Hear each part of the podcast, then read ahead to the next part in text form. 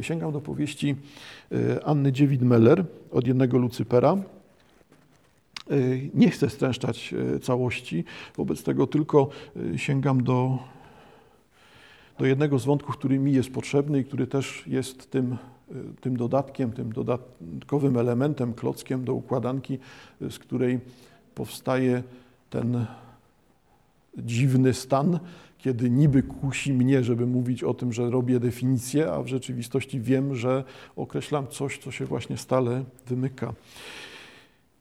Yy, jeden z, ze spraw, jeden z problemów pojawiających się w powieści e, David Meller no to jednak to, co widzimy tutaj w tytule od jednego Lucypera, no i tu już Państwo zauważcie, jesteśmy bliżsi, y, jakby w explicite mamy tą wypowiedź dotyczącą właśnie tej wyobraźni personifikacyjnej, tak, że wszyscy jesteśmy od jednego Lucypera, tylko co to znaczy, że jesteśmy y, dobrzy, czy jesteśmy źli. Ja rozumiem też zależności tutaj samym językiem śląskim, ale tu raczej chodzi właśnie o to napięcie y, dotyczące wymykania się. Tego, że wszyscy jesteśmy po jednych pieniądzach, e, wszyscy możemy być tak samo oceniani, wszyscy tyle samo mamy dobra, ile zła w sobie. Dobrze, ale tymczasem no, jednak jednym z głównych tematów tej powieści i postacią, która tutaj będzie jedną z kluczowych, E, dla e, rozumienia e, tego tekstu jest to napięcie pomiędzy sprawami polsko-niemieckimi. O co chodzi? Marijka. Cytuję. Wobec Maryjki, kompletnie nie mającej pojęcia, co się właściwie dzieje, dziecinnie łatwo mu było zastosować nowoczesne techniki przesłuchań zwłaszcza, że dziewczyna czuła się potwornie skrępowana swoim zapachem, krwią, która już dawno przesiąkła przez roboczy drelik, zdezorientowana całą sytuacją. Zabrali ją jak stała. Słabo jej wtedy było okropnie i myślała, że znów zemdleje, gdy po nią przyszli, ale wcale nie ze strachu, bo nie zdążyła nawet jeszcze przestraszyć się porządnie. Gdy dowieziono ją milicyjną suką do aresztu w Katowicach przy Mikołowskiej, spojrzała w górę na ceglane budynki, w których ledwie kilka lat temu gestapo ścinały głowy Polakom i odwróciwszy się do jednego z rekrutujących ją milicjantów spytała, ale panie władzo, po coście mnie tu przywieźli? Co Jorzech takiego zrobiła? A ten jednak wzruszył tylko ramionami i lekko popchnął ją przed siebie, poganiając słowami nie gadać tyle, do przodu. Wyjaśnię, w którym miejscu jesteśmy. E, e, Marika została bezpodstawnie przez jedną ze współpracownic e, oskarżona o to, że niszczyła urządzenia. Jesteśmy w tych realiach tuż powojennych. Wracam do tego, co mówiłem o Śląsku przed Twardochem. Na Śląsku każdy, kto nie jest Polakiem, jest wrogiem. Zauważcie Państwo, znowu to dziwnie aktualizuje te współczesne dykcje, no ale w ten sposób było to realizowane.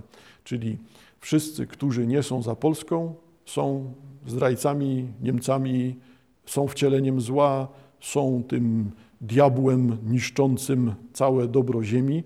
Wobec tego wystarczy dowolne oskarżenie kogoś o zaniedbanie w pracy, e, aby tego kogoś skazać jako zdrajcę. I w tej sytuacji właśnie jest ta postać, zostaje aresztowana. Wcześniej mm, na przesłuchaniu pojawiła się ta kobieta, z którą ona współpracuje. Kobieta obciążyła ją zeznaniami. Ona ma być tą siłą antypolską czy antysocjalistyczną występującą przeciwko e, Polsce socjalistycznej czy komunistycznej, wiadomo. Nie spierajmy się teraz o te dwa słowa. E, Marijka. Szła więc czując w gardle nie tylko rosnący strach, ale i zdumienie, kompletną dezorientację. Miała poczucie głębokiego absurdu tej sytuacji. Nie była Marika specjalnie mądra ani kształcona, edukacji liznęła tyle co nic. Ciągle jakieś przeszkody stawały jej na drodze, a to okupacja, a to narodziny rodzeństwa, zmiana ustroju, a to zły y, nastrój prababki, ale na tyle głupia nie była, żeby nie wiedzieć, że niczego złego nikomu nie zrobiła, nie złamała żadnego prawa, w robocie osiągała dobre wyniki, więc to wszystko musiała być jakaś potężna pomyłka, która najpewniej zaraz się wyjaśni. Włodarczyk, ten idiota, ten konfident, ten plugawy gnój mógł się pomylić, ale tu już przecież muszą wiedzieć, że jemu coś się znowu popierdoliło. Mówiono o nim po kątach, że to przede wszystkim zapijaczona morda, y, więc byle zachować spokój, a wszystko będzie dobrze. Tak sobie powtarzała, starając się nie wpaść w histerię, która rzecz jasna czaiła się gdzieś na skraju, z boku przycupnięta i cały czas gotowa do eksplozji. Nie mogła wiedzieć biedna Maryjka, prostolinijna dziołcha, co kuzi szporty w okopconej lufce, daleka od jakichkolwiek złych intencji, że tu nie szło nikomu niestety o to, żeby znaleźć prawdziwego winnego, bo i owa wina była w tym wypadku przecież dyskusyjna. Awarie na wydziale e, azotniakowym powodowały przestoje w pracy zakładu, że zaś nie dało się o nie oskarżyć niewydolnego systemu, który zażynał maszyny dokładnie tak samo chętnie jak obsługujących je ludzi, przeto, nie licząc się z niczym i nikim, należało jak najszybciej wskazać człowieka, który by wziął winę na siebie. Marijka tego wiedzieć nie mogła, że na kogo wypadnie na tego bęc i że to akurat na nią tymczasem padło, bo tak się właśnie złożyło, że wszystko tu dobrze pasowało. Ale za dni kilka pasować miało jeszcze lepiej. Już majora Kurzawy była w tym głowa. No i mamy wobec tego system taki, jaki możecie się Państwo spodziewać. Odwracamy parę kartek, jaki jest finał tych przesłuchań. Tymczasem Marika po 48 godzinach bez snu, gdy jej mózg to róż osuwał się w głębsze rejony niebytu, leżała sztywno i bezwładnie na zatruskwionym sienniku w celi. Nie zajęło im specjalnie dużo czasu wymuszenie zeznań na tej właśnie losowo wybranej dziewczynie, która dobrze pasowała do nakreślonego w głowie bezpieki obrazka – ale nie powinno to dziwić nikogo. W końcu mieli do czynienia z prostą dziołchą, która po prostu bardzo się bała. Może i nieprzyjemne to wszystko, może wymagające pewnego zaangażowania, może i ciężko oddychał teraz major Kurzawa, ale z Marią Solik poszło łatwiej niż z wieloma innymi. Leżała teraz bez sił, bez ducha prawie, otaczał ją smród moczu, który musiała na siebie kilkakrotnie oddać, wymiotów, które podeszły, gdy uderzyli ją w splot słoneczny, brudu i potu i krwi wreszcie, tej, która płynęła jej z ust i nosa i tej, która zaschła na jej udach dawno temu, kiedy wyprowadzali ją skutą z Wydziału Azotniakowego. Yy, no, czyli 48 godzin ciągłego przesłuchania i bicia sprawiają, że nasza e, bohaterka podpisuje wszelkiego rodzaju zeznania podsunięte jej przez milicjanta, czyli przyznaje się do całej tej działalności antypolskiej, spiskowej, proniemieckiej, faszystowskiej, jak tylko chcemy. Co wobec tego pojawia się później? No jak się Państwo spodziewacie, proces odwracam znowu kilka kartek powieści David Meller. Proces Maryjki Solik odbył się naprawdę szybko. Trzeba przyznać, że w owej sprawie nie kazali ludziom długo czekać na decyzję, zwłaszcza, że zapadały one zanim w ogóle kazano komukolwiek na coś czekać. Dajcie mi człowieka, paragraf się znajdzie, albo też i całkiem na odwrót według uznania. Tu konieczny był pośpiech, terror rewolucyjny nie miał chwili do stracenia, pragnął czerpać rozkosz zemsty i zadawania cierpienia, karać ludzi za to, kim są, a nie za to, co zrobili. Marijka o pełnych piersiach, wielkich dłoniach, dużych soczystych ustach, długich czarnych włosach, kiedyś zaplecionych w mocny warkocz, teraz zwisających w nieładzie przy uszach. Obiekt pożądania i lęku tylu mężczyzn z okolicy, z huty i zakładów azotowych, dzielna przodowniczka pracy, dziołcha jak malowanie. Na proces przyprowadzona została umyta i przebrana w jakieś nowe ubranie, które dostarczyła jej pod cele służba więzienna. Razem z nią na ławie oskarżonych zasiadło dwóch mężczyzn, których widziała po raz pierwszy na oczy, a także dobrze, jej znany Alois, na którego nie miała siły patrzeć, albowiem tę znajomość uznała za praprzyczynę swojego niepojętego nieszczęścia. Uznała, przyjęła jako swoje, że coś w tym było, co o nim jej mówili, a w niepewnych czasach najlepiej się z nikim nie zadawać, bo, jak mawiał podobno wielki Felix Dzierżyński, nie muszą się bać tylko ci, co nic nie mają na sumieniu. Widać plamą na jej sumieniu pozostała miłość do tego, nie do, e, miłość do nie tego chłopaka, co potrzeba, go dała matka, że trzeba się dobrze prowadzić, honor swój mieć. Honoru nie miała, nie ceniła się, nie szanowała, a teraz oboje skuci kajdankami przemierzają korytarz sądowy, idąc na rozprawę w sprawie zagrożonej najwyższym wymiarem kary. Marijka, prosta i naiwna Marijka, przyznała się do wszystkiego, co jej zarzucono i pogrążyła swoimi zeznaniami wszystkich trzech mężczyzn, z którymi żaden nie chciał, z których żaden nie chciał się przyznać do winy. Ale już nie musieli, odkąd ona zrobiła to za nich. Nie miała już siły, żeby zaprzeczać, tyle już dni nie spała, nie jadła, patrzyła światło żarówki wymierzonej prosto w jej zamykające się z bez siły oczy, bolały ją siniaki, pęknięta skóra w miejscach, których dotknęły ją razy, Zresztą nie była już wcale pewna, czy oni nie mają racji, bo kto wie, może faktycznie jest tylko hitlerowską kurwą, skoro tylu ludzi jej to w ostatnich dniach mówiło, ludzi władzy, ludzi na stanowiskach, skoro tak ją przekonywali, zobaczyła, że coś w tym musi być. Może sama siebie nie znała tak dobrze, jak oni ją znali. Żyła przecież tak beztrosko, była tak głupia, tak cieszyła się swoją młodością i pracą, i keciokami na placu, z którymi gadała, z, tymi, e, z, z tamtym gadała, mówiła chętnie i z dumą o swojej pracy, jak ją kto pytał, a nawet jak jej nie pytali, to też mówiła, a kto wie, co to za ludzie byli, co mówili, może jej coś mówili, a ona była za głupia, zbyt mało uczona, zbyt zmęczona, żeby zrozumieć, że ją wzięli do spisku. I wtedy Alois e, by może był nawet tym hitlerowcem, w sumie czemu nie, trzymali go przecież w obozie, a tam za byle co nie trzymali, tak się przecież słyszało. A ci dwaj owszem byli konfidentami gestapo i dokładnie tak już mówiono, wykorzystali jej słabość, zaszantażowali potem, nakłonili do aktów sabotażu, których było dokładnie 32 w okresie roku. Akty te prowadzić miały do destabilizacji sytuacji na Wydziale Azotniakowym w Chorzowskich Azotach, zakładzie chemicznym mającym strategiczne znaczenie dla obronności ludowej ojczyzny. Chodziło nie tylko o niewykonanie planu, ale i szerzenie niemieckiej propagandy, podburzanie niewinnych ludzi do wystąpień przeciwko władzy, o spiskowanie przeciwko ludowej ojczyźnie i partii, wreszcie o przygotowanie podglebia do wybuchu kolejnego, ale antypolskiego powstania na Śląsku w imię obalenia granic wytyczonych w Jałcie. Ujawniono i zdemaskowano grupę sabotażystów, którzy tworzyli niegdyś sieć byłej komórki kontrwywiadowczej Gestapo, na której czele stał gestapowiec o nazwisku Długaj. Namawiał on Marię Solik do działań sabotażowych i powtarzał, że Polacy na szczęście już długo panować tutaj nie będą. Osoby o tym nazwisku nie odnaleziono, nikt taki nigdy w Azotach nie pracował, ale to nic nie szkodzi, bo w sumie jakie to ma znaczenie, skoro w zeznaniach podpisanych przez umęczoną wielogodzinnymi, trwającymi całe doby brutalnymi przesłuchaniami dziewczynem pojawili się e, także pozostali siedzący na łafie oskarżonych mężczyźni, w tym Alois. Co na to prokurator? Maria Solik namawiana przez gestapowców, przewracała kubełki z karbidem, przewracała je z nazistowską premedytacją i niszczyła, jak każda Niemka, która chce zaszkodzić Polsce, rozwalała i psuła i robiła wszystko, wszystko, co tylko mogła, by sabotować, podgryzać porządek socjalistyczny.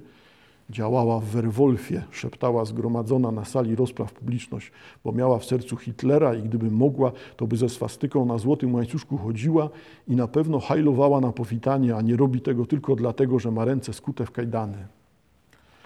Dlaczego ten długi fragment? Ech, no bo zauważcie Państwo, że to jest oczywiście inna powieść, inny pomysł. inny styl, inna kompozycja, inna konstrukcja, oczywiste, e, ale problem jest ten sam. David Meller próbuje w przeciwieństwie do Fartocha nazwać to, co wydarza się na Śląsku po 1945 roku, czyli nazwać właśnie tą brutalną, gwałcącą Śląsk polonizację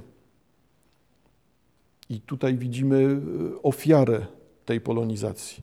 Skoro nie jest Polką, skoro wpłynął na nią donos, skoro przyznała się do tych rzeczy wymuszonych biciem, przyznała się i podpisała, no to musi być złem. I nagle mamy ten sam proces. Wszyscy ci, którzy nie są Polakami, no to muszą być Niemcami. Wobec tego Ślązacy, nie, garnąc się do, nie garnący się do Polski, nie, nie, nie, nie wykazujący gorliwości o, w przerabianiu siebie na Polaków, są Niemcami. No, a jak Niemiec, no to Niemiec to hitlerowiec. Wobec tego, a Niemiec hitlerowiec musi być w Werwolfie. Wobec tego to wszystko są naziści, to wszystko są zbrodniarze i to wszystko jest wcielenie diabelskości. Siły kierowane przez Lucypera rządzą światem. Nie wiem, czy to w ogóle jest czytelne poza Śląskiem, to o czym teraz mówimy. Czy to jednak nie jest tak, że bez uczestniczenia w tym świecie naturalnej symbiozy, naturalnej wielojęzyczności, naturalnej wielokulturowości, obrzędowości, z wielością zwyczajów i z wielością akceptowanych pomysłów na życie, bo czymś innym jest ten pomysł na życie Ślązaka lubiącego Ordung, a czymś innym jest pomysł na życie Ślązaka, który jednak będzie wolał y, tą y, słowiańską niedbałość, tak bardzo e, mocno charakteryzującą Polaków. E, no to e, nawet, nawet te różne odcienie śląskości, one dalej występowały, współwystępowały, one nie wchodziły w żaden konflikt. A tutaj ta powiedzie Wimmeller w sposób bardzo brutalny daje materiał pokazujący, na czym polega ten, to, to przymusowe występowanie przeciwko e, Śląskowi. E, jaka jest puenta? No, puenta jest taka, jak się możecie Państwo spodziewać, czyli e, Maria Solik, Maryjka znika. I tak oto zniknęła Maria Solik, Puf, babcia miejscowa widziała kiedyś sztuczkę magika, któremu w dłoniach znikały monety. Dmuchał na zaciśniętą pięśnię, w której przed chwilą błyszczała złotówka. Puf, gdy ją otwierał, nie było już śladu po monecie, tak jak po Maryjce. Yy, zostaje skazana na karę śmierci za działalność antypaństwową, zdradziecką i tak dalej. Yy, no, w sposób całkowicie bezpodstawny. Tam nie ma niczego, co pozwalałoby na uzasadnienie tego typu wyroków. No, poza tym głównym uzasadnieniem no, wystarczyło to, że e, była Ślązaczką. Tylko proszę pamiętać o tym wszystkim, co padło przy okazji Twardocha, że to bycie Ślązakiem to nie polega na deklaracji jakiejś, po prostu polega na nieprzynależeniu, wymykaniu się systemowi. Była osobą wolną i, i, i, to było tak uderzające, że trzeba było ją przyszpilić, nazwać, wymusić i określić, i tym razem określić przeciw. Bo skoro nie określono jej jako Polki, no to określono ją jako hitlerowską i nazistowską i tak dalej. Y, znowu cytuję. Jej ciało pochowano w nieoznaczonej kwaterze. Pozbawieni praw publicznych skazańcy nie dostawali od państwa, na którego koszt byli chowani, białych trumienek, wieńców z gerbery, ani granitowych pomników, tylko zbiorowych grup, gdzie mieszkały, mieszały się z wapnem kości wielu im podobnych. Nie było więc kogo opłakać, ani kogo pożegnać. Rodzina przyjęła to w milczeniu i ze zgiętymi karkami wysłuchała bowiem ze zrozumiałym, niewypowiedzianym, nie, ze zrozumieniem niewypowiedzianego nagłos komunikatu władzy. Czym cię lepiej te swoje pyski zawarte? Matka skazanej, nieszczęsna prababka, nie nakładając nawet żałoby, z nieprzeniknionym wyrazem twarzy, dalej całymi dniami stała w ogonkach po wszystko, licząc na to, że wkrótce przestaną jej szeptać za plecami, bo że szeptali, tego była pewna.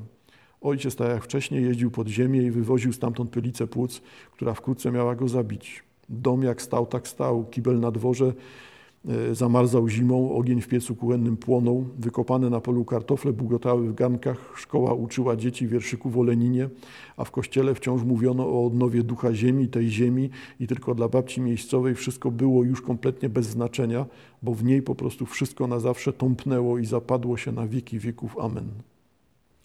Śmierć Maryjki, o której nie wolno było jej nic mówić, imię, które nagle zaczęło parzyć wszystkich w języki, wspomnienie, które oficjalnie miało zostać zatarte, wygumkowane, wymyte do cna, wszystko to zatrzęsło życiem dziewczynki, także właściwie nigdy już się po tym wstrząsie nie podniosła. Nad rodziną Solików sąsiedzka wspólnota rozciągała miłościwie maskujący całun milczenia. Nie mówmy już więcej o tym, po prostu przestańmy mówić, postanowiono.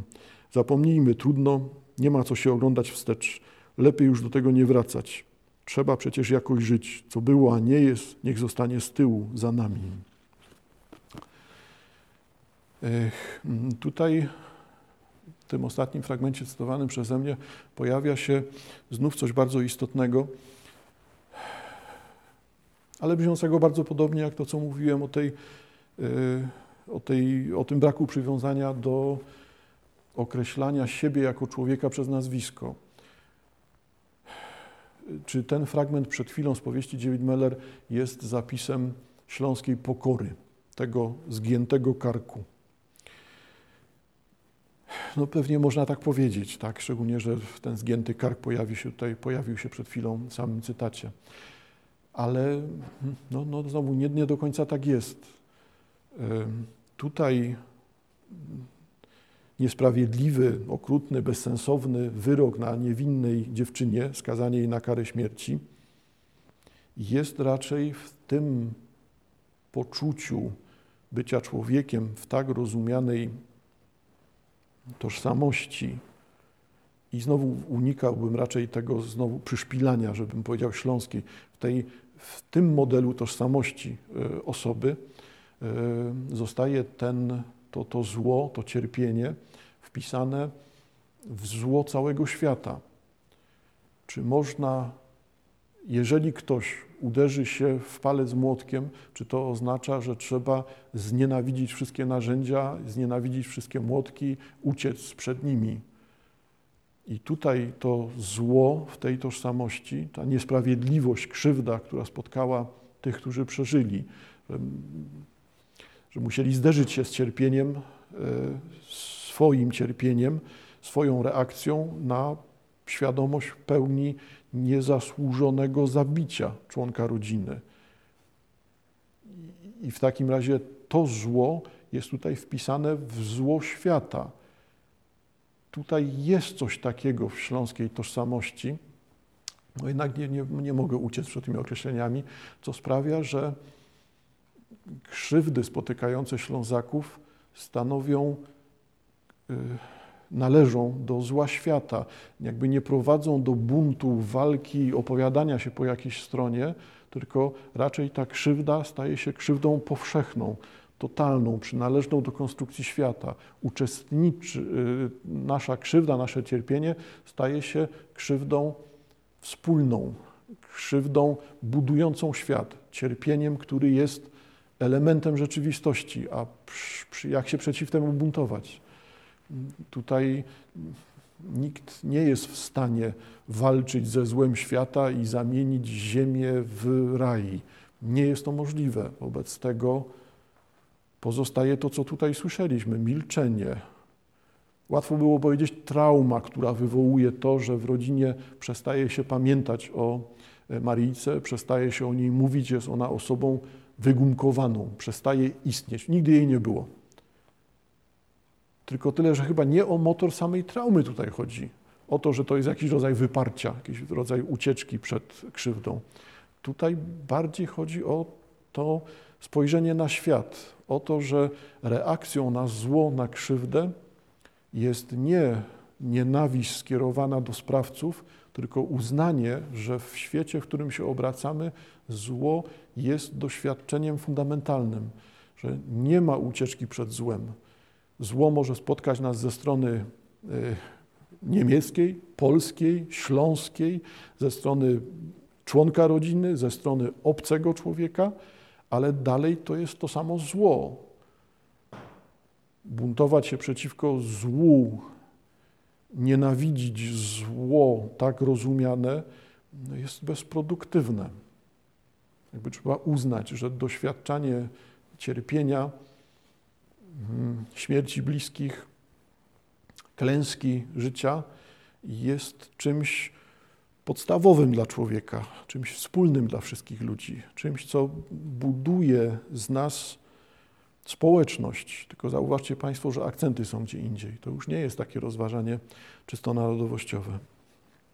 Aby zamknąć też własnym doświadczeniem z ostatnich tygodni, no, zauważcie Państwo, że no, tylko na Śląsku można zetknąć się z tym przypadkiem, o którym będę mówił teraz. No, to jest coś, co jest y, chyba zupełną egzotyką dla jakichś części centralnych czy wschodnich aktualnej Polski. To jest chyba wszystko to, co teraz powiem, będzie znowu y, czymś niezrozumiałym. No dobrze, jesteśmy w Bytomiu.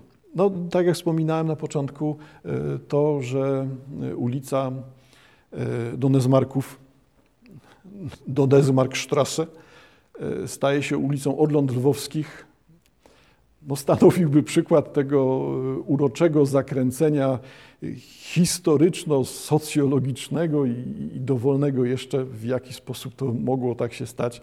No ale tak się staje, to nie jest izolowany przypadek. Jakiś czas temu przechodzę przez tą ulicę do Nezmarków, czyli Orlądowskich e, i widzę niepozorną tablicę stojącą pod jedną z kamienic, tablicę przypominającą, że Polakom w tym domu będzie pojawiał się, czy pojawiał się i będzie się pojawiał duch Teofila Kubki.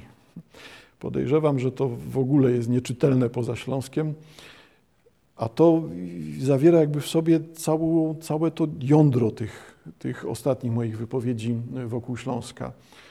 Teofil Kubka, działacz na, na rzecz Śląska, działacz współpracujący z Korfantem, ale ostatecznie odchodzący od Korfantego ze względu na to, że zdaniem Teofila Kubki, tutaj cała ta dyskusja historyczna, historycy mi wybaczą, ale ona jest za duża, żeby ją teraz całą streszczać, no wobec tego Teofil Kubka uznaje, że Korfanty nie jest człowiekiem, który potrafi zrobić coś dobrego dla Śląska, dlatego że zdaniem Teofila Kubki, bliskiego współpracownika Korfantego, e, Korfanty otacza się Polakami i tak naprawdę szykuje, e, no właśnie, polonizację, desant polski przejmującej Śląsk.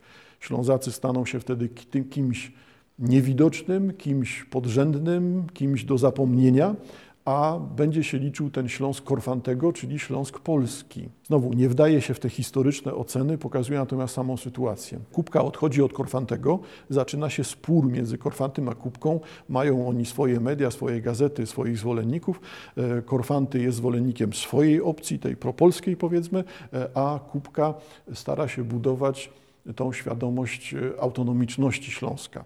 Już znowu zostawię definiowanie wszystkich pojęć.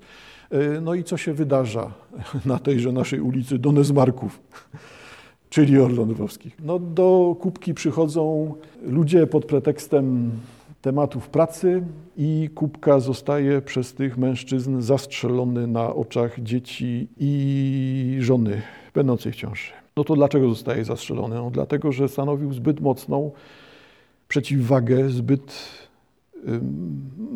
zbyt jaskrawie wypowiadał się przeciwko tej opcji proponowanej przez Korfantego. To jednocześnie, zauważcie Państwo, właśnie doskonale tłumaczy tych, tych korfanciorzy u Twartocha, którzy są tutaj dyskusyjni bardzo na Śląsku. Wobec tego, wobec tego co, tu, co tu się dzieje w tej sytuacji? No, zmierzam do, tego, do tej prostej, e, obrazkowej jakby puenty. Zauważcie Państwo, że na Śląsku do dzisiejszego dnia e, pamięć o tego typu sytuacjach, jakby sporów, napięć, konfliktów istnieje, ale jednocześnie nie jest to jakaś pamięć, która by samych Ślązaków dzieliła. Ja będę się twardo tego trzymał, dlatego że y, używanie tutaj opcji propolskiej i mówienie, że Korfanty doskonały, wspaniały ideał, cudowny człowiek, albo używanie tej opcji, która no, w sposób też błędny, no, ale można postać Teofila Kubki interpretować jako postać, która skoro stoi przeciwko Polsce, przeciwko Korfantemu w tym sensie, no to stoi po stronie Niemiec. No, w rzeczywistości nie ma nic takiego miejsca, no ale w ten sposób można to potraktować. No, wobec tego to wszystko, co tutaj się zadziało, wokół chociażby postaci Teofila Kubki, jest przykładem właśnie tego wspominanego przeze mnie przeszpilania, tego narzucania gęby. Naprawdę ta tożsamość śląska jest tożsamością taką, wiem kim jestem i wiem, że toczy się wokół mnie gra, ale ja nie uczestniczę w tej grze. Śląskość nie może być moim zdaniem, to mówię na bazie właśnie tej powieści Pokory i Dziewin Meller, przypisywana, zaliczana, określana, definiowana z zewnątrz. A z kolei specyfiką śląskości, śląskości jest to, że ona nie chce się definiować od wewnątrz, bo jest innym modelem tożsamości. Innym. Po prostu narzędzia z tych tożsamości narodowościowych w żaden sposób tutaj nie pasują. Tu rozgrywa się coś innego, coś, w czym sam widziałbym przyszłość, ale Ale oczywiście to jest tylko domniemanie. Nie? Przyszłość jest od tego, żeby była inna niż chcemy w rzeczywistości. Tablica, czy stoi nadal przed tym e, domem, w którym dokonano morderstwa na Teofilu Kupce? E, no nie wiem. No, kilka dni temu jeszcze stała. Czy ona stoi teraz? Nie wiem. Ciekawe właśnie dla, dla Ślązaków jest to, że wszystko jedno, co Ślązacy o tym myślą, to, to ich reakcja będzie taka. Weź to synek ostaw. Ostaw to. No to niech stoi. Niech ta tablica stoi. Ona naprawdę nie jest w żaden sposób źródłem jakiejś nienawiści. Dziękuję bardzo. Do usłyszenia.